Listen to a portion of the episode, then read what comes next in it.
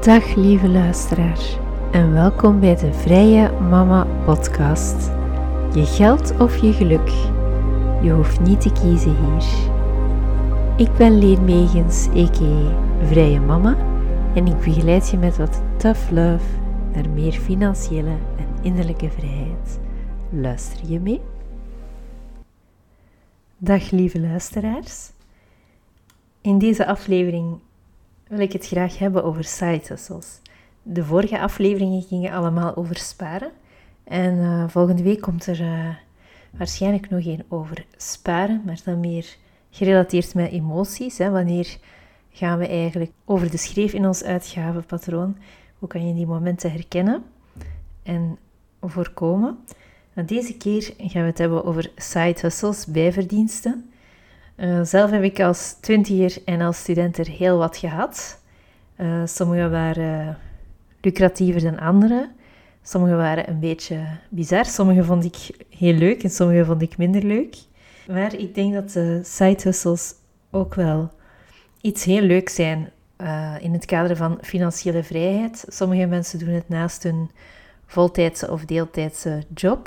Er zijn ook mensen die volledig gewoon hun bestaan uh, of hun inkomen opbouwen met side hustles. En ja, we worden eigenlijk altijd gedrild, vooral op school denk ik, om ons te specialiseren in één niche, om daarin uit te blinken, om eigenlijk een typisch carrièrepad te bewandelen. Maar misschien ben jij wel heel anders, zit jij heel anders in elkaar. Voor mij geldt dat zeker en vast. Ik hou van uh, afwisseling. Ik hou niet van elke dag in hetzelfde kantoor zitten en ik moet er altijd grote moeite voor doen om dat langer dan een jaar vol te houden. En eigenlijk vond ik het net leuk, zelfs als het soms wat minder betaald werd, om van verschillende dingen te proeven. Vooral als twintiger. Ik denk dat veel twintigers ja, zijn misschien nog helemaal niet klaar om elke dag hetzelfde te doen. Zijn nog volop in hun privéleven de wereld aan het ontdekken uh, misschien zelfs verschillende relatievormen aan het ontdekken of mogelijke partners. Maar op het werk wordt er wel heel erg verwacht dat we een bepaalde weg inslaan. Ja, voltijds werken voor een bedrijf of een bekende organisatie. Um, ja, side hustles is iets heel anders. Hè? Veel afwisseling, minder zekerheid. En ideaal als aanvulling op een ander inkomen, in mijn ogen. Dus ja, dat zijn meteen ook al enkele voordelen van sites zoals ik heb opgesomd. Je verdient iets bij. Dus soms is het uh, onbelast. Je hebt verschillende stelsels. Zo kan je bijvoorbeeld als vrijwilliger iets bijverdienen. Uh, dat zit wel een bepaald maximum op. En bijvoorbeeld bij de vaccinatievrijwilligers hebben we gezien dat het maximum werd opgetrokken voor hen, wat ze mochten bijverdienen op een jaar. Je hebt ook andere stelsels, zoals de kleine onkostenvergoeding, waar dat figuranten bijvoorbeeld mee betaald worden. Uh, als uitvoerend kunstenaar heb je bepaalde rechten. Je hebt ook een soort van kleine artiestenvergoeding, denk ik, voor uh, kleine optredens. En bij flexi-jobs kan je ook onbelast bijverdienen. Uh, dat mag je doen vanaf dat je 4 vijfde werkt. En het mooie daar is, ja, het is niet alleen belastingsvrij, het telt ook niet op voor je belastbaar loon. Hè. Dus je gaat niet met je hoofdjob in een hogere belastingsschijf terechtkomen omdat je er een flexiejob bij neemt. Je moet dat niet aangeven op je belastingen. momenteel is het toch zo. Maar we waren dus bezig over de voordelen van side hustles. Het is vaak onbelast, je kan een centje bijverdienen. Het is ook zeker een vaste kans om iets nieuws te proberen. Als je een beetje uitgekeken bent op je huidige carrièrepad, kan je wel gemakkelijk proeven op een zeer flexibele basis van iets nieuws. Veel side hustles um, geven je ook de kans om eens uit je comfortzone te komen. Ehm, dat was bij mij zeker en vast het geval. Daarover later meer. Je leert er vaak ook andere mensen kennen of zelfs een andere wereld, waardoor dat je wel ruimdenkender wordt, vind ik, dan dat je heel je carrière binnen dezelfde vier muren blijft. Sommige side hustles kunnen meer opleveren per uur gezien of als totaal. Dan een gewone jobs. Daarover later ook meer in deze aflevering. En tenslotte vind ik het op financieel vlak dat het ook aansluit bij een bredere visie op geld. Hè. Ehm, ik denk dat ehm, we vaak in het klassieke patroon zitten van we hebben één loon, één inkomen en daar betalen we dan al onze rekeningen van. Maar de wereld evolueert toch meer naar een flexibelere arbeidsmarkt. En ik vind dat niet noodzakelijk slecht, al is het goed als de sociale rechten wel bewaakt worden. Maar eigenlijk, ja, een euro is een euro. Hè? Of dat jij dat verdient met één voltijdse job of met talrijke parttimes en side hustles, weet dat je dat mag invullen zoals jij wilt. Ook al is dat niet wat dat je ouders voor ogen hadden per se, of je leerkrachten van de school vroeger. Uh, ja, werken is soms al vermoeiend of saai genoeg. Je mag het invullen zoals je wil. Probeer gewoon je eigen grenzen te bewaken en ook je eigen doelen te bewaken. Als je bijvoorbeeld zegt van ja, ik wil wel dit bijdragen aan het gezinsinkomen. Of ja, je, je bent een single en je moet wel zelf ja, je vaste lasten kunnen betalen. En je kan uiteraard niet zomaar altijd doen wat je maar wil. Maar zolang dat die voorwaarde is vervuld, ja, het is een vrije wereld. Hè. Ga alsjeblieft uh, dingen doen waar dat je energie van krijgt. En je kan altijd met kleine stapjes beginnen door bijvoorbeeld naast je vaste job één kleine bijverdienste te doen. Dat is ook helemaal prima. Ehm, het is heel fijn het gevoel dat je niet van één inkomen afhangt, maar dat je meerdere inkomstenbronnen hebt. Hè. Dat geldt voor verhuren heel hard, dat geldt voor beleggen, dat geldt zeker en vast ook voor bijverdiensten. Want je weet nooit wat er gaat gebeuren met je vaste job. Dan wil ik je gerust even vertellen over enkele eh, bijverdiensten die ik zelf heb gehad. Uh, voornamelijk dan pre-kids. Want als je kinderen hebt, kan je zeker en vast nog leuke bijverdiensten doen. Maar diegene waarbij dat je bijvoorbeeld s'avonds ergens aanwezig moet zijn of beschikbare tijd, ja, met een baby. En ja, ik heb nu net enkele baby- en peuterjaren achter de rug. Ben je soms iets meer beperkt in je bewegingsvrijheid, toch wel? Of in je aantal beschikbare uren. Maar ik heb het dus vaak gedaan als twintiger en ik wil het ook in de toekomst terug weer opzetten, die uh, leuke bijverdiensten. Uh, welke heb ik zoal uitgeprobeerd en uitgevoerd? Um, eerst en vooral in mijn studentenjaren heb ik als hostess, evenementenmedewerker, um, wel veel plezier gehad. Je komt op plaatsen soms dat je anders niet komt. Ja, soms was dat opdienen, soms was dat gewoon heel easy, breezy een vestiaire bemannen. Bijvoorbeeld van een voetbalstadion, een bedrijfsfeest, ehm, ja, grote beurzen zoals ja, voor Autosalon uh, was ik denk ik niet glamoureus uh, genoeg, dus ik stond op Busworld uh, al een keertje.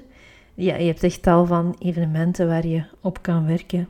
Als hostess, als parkingboy, als serveerster, en ja, ik vond dat meestal wel leuk, omdat de sfeer was meestal wel positief, hè, want typisch worden daar wel eerder vrolijke of hartelijke mensen voor aangenomen.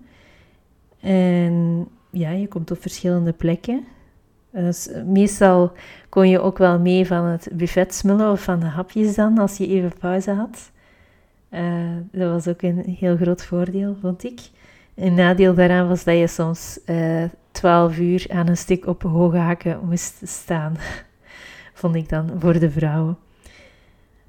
Als student heb ik nog ja, talrijke studentenjobs gedaan. Ja, sommige typische zoals ja, in de H&M uh, tijdens de solden meedraaien. Schoenenwinkels, want dat zie ik niet echt als bijverdiensten. Dat zijn meer studentenjobs. Maar ik heb ook bijvoorbeeld uh, bijles gegeven als student. Dat kan ook zeer lucratief zijn. Niet bij mij, omdat ik geen grote specialist ben in bijvoorbeeld een taal of wiskunde. Dus ik deed dat via een soort van bijleskantoor. Maar ik denk, voor, uh, ik denk aan bepaalde vrienden van mij die echt wel uitblinken in taal of tolk zijn.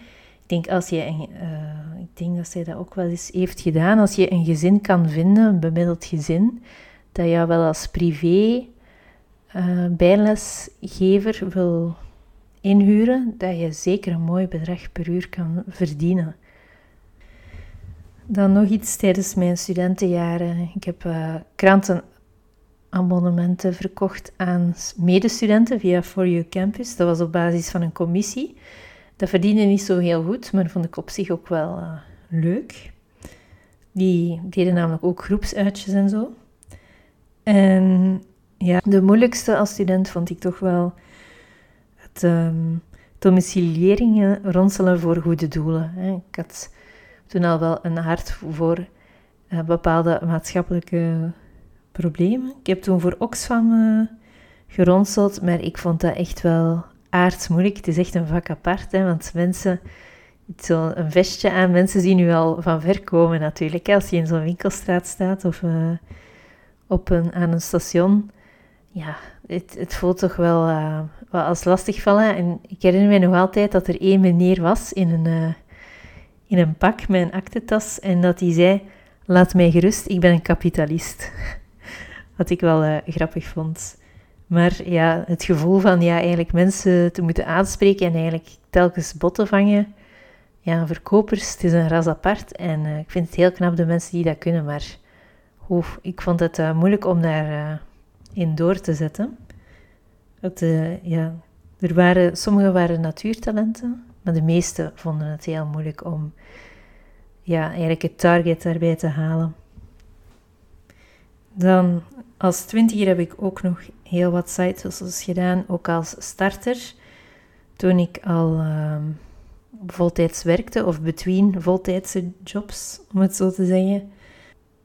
Ja, animaties in supermarkten uh, vond ik ook niet altijd een topper, soms was er zo wel wat animo, vond ik het wel leuk. Ik herinner me één, eentje dat ik in een uh, diepvriesafdeling stond.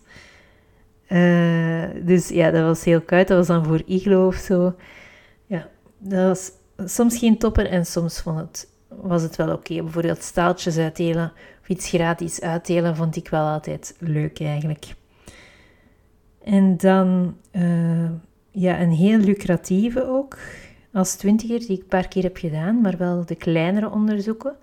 mensen die de grote klinische onderzoeken meedoen als medisch proefpersoon. En ja, vergis u niet, je kan daar 2000, 4000, 6000 euro mee verdienen. Absoluut. Voor de grote bedragen gaat het natuurlijk over ambulant. Uh, daarmee bedoel ik dat je wel verwacht wordt van bijvoorbeeld 10 dagen aan een stuk of uh, met tussenpozen telkens enkele dagen te verblijven in een uh, ziekenhuisunit. Je moet weinig doen, hè. er worden gewoon testjes gedaan. Maar ja, je moet wel die tijd hebben. Als, als je bijvoorbeeld een, een gezin hebt of zo, is dat moeilijk om zo lang afwezig te zijn. maar als je zegt van ja, ik wil wel gewoon wat boeken lezen, wat wandelen in de tuin van het ziekenhuis, dan, ehm, dan kan je daar een heel mooi bedrag mee verdienen, zeker en vast. De eerste keer dat ik daarover hoorde was trouwens uh, op KOTS. Een van mijn medestudenten was een student bio-ingenieur, geloof ik. En um, die hield toen een, uh, een soort van dagboek bij over zijn ontlasting, moest ook staaltjes binnenbrengen. En ik weet nog, ik weet niet meer wat het precieze bedrag was, maar ik weet wel nog dat, je, dat ik verschoot van wauw, ik kan er best wel veel mee verdienen. En ter geruststelling, ik denk ja, mensen die schrik hebben van dat het hun gezondheid kan aantasten. Nu worden klinische onderzoeken toch zeker in België wel opgebouwd volgens bepaalde procedures. Hè. Tegen dat er iets op mensen getest wordt, is het al wel op andere manieren getest. Hè. Ik denk de kans dat je echt ja, die iets zwaar gaat overhouden.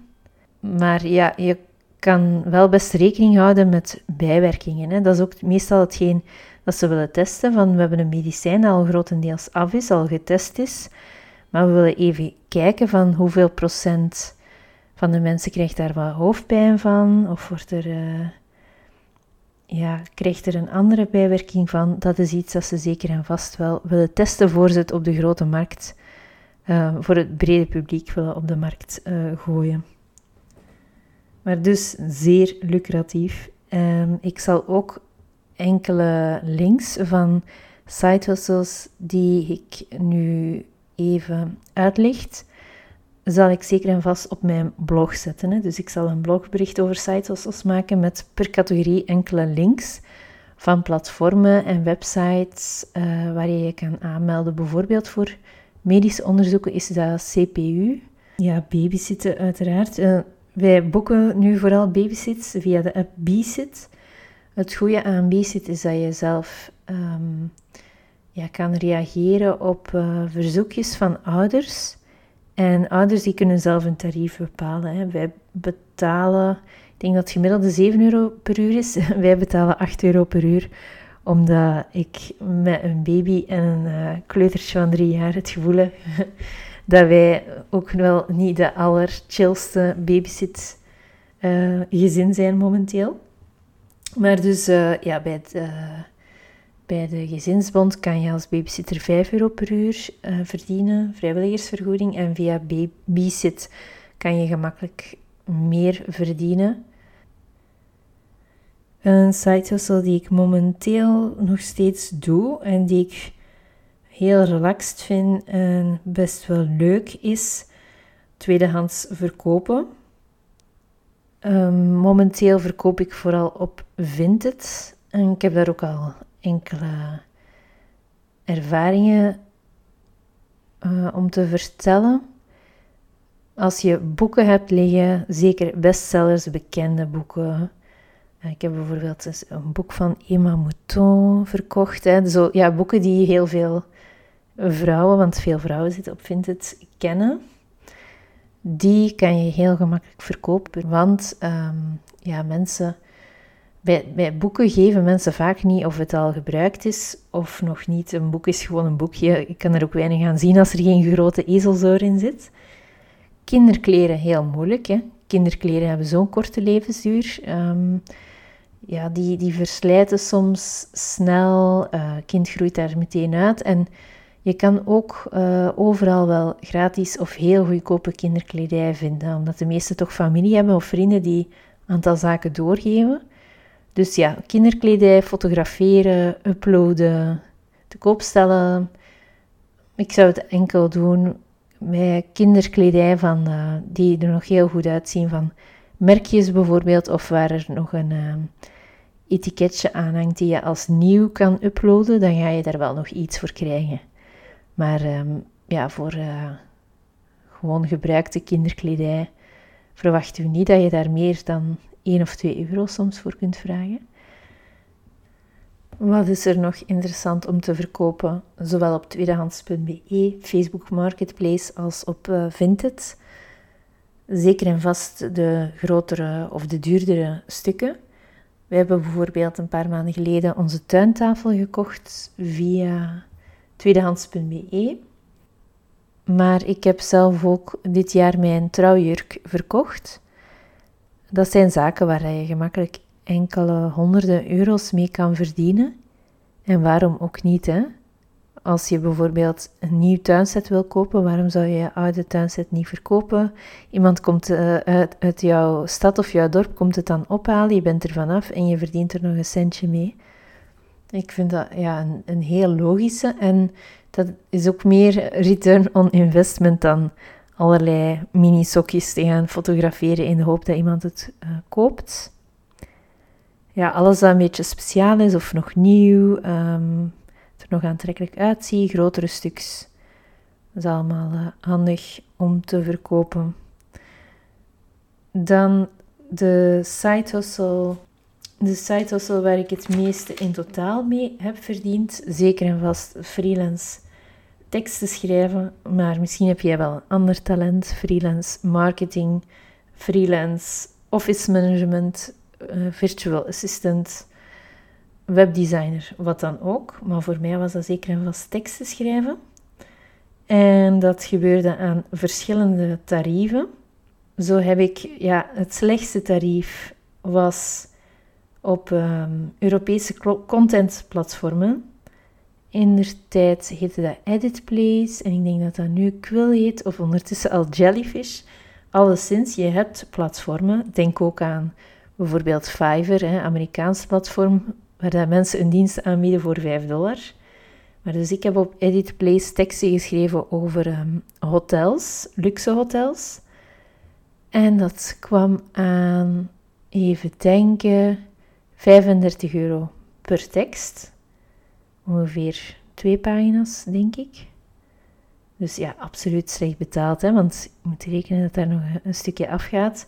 Maar dan voor. Um, uiteindelijk werd het toch nog iets lucratiever, omdat er vele afhaakten. En als er een last-minute tekst nodig was, dan werd het tarief verdubbeld.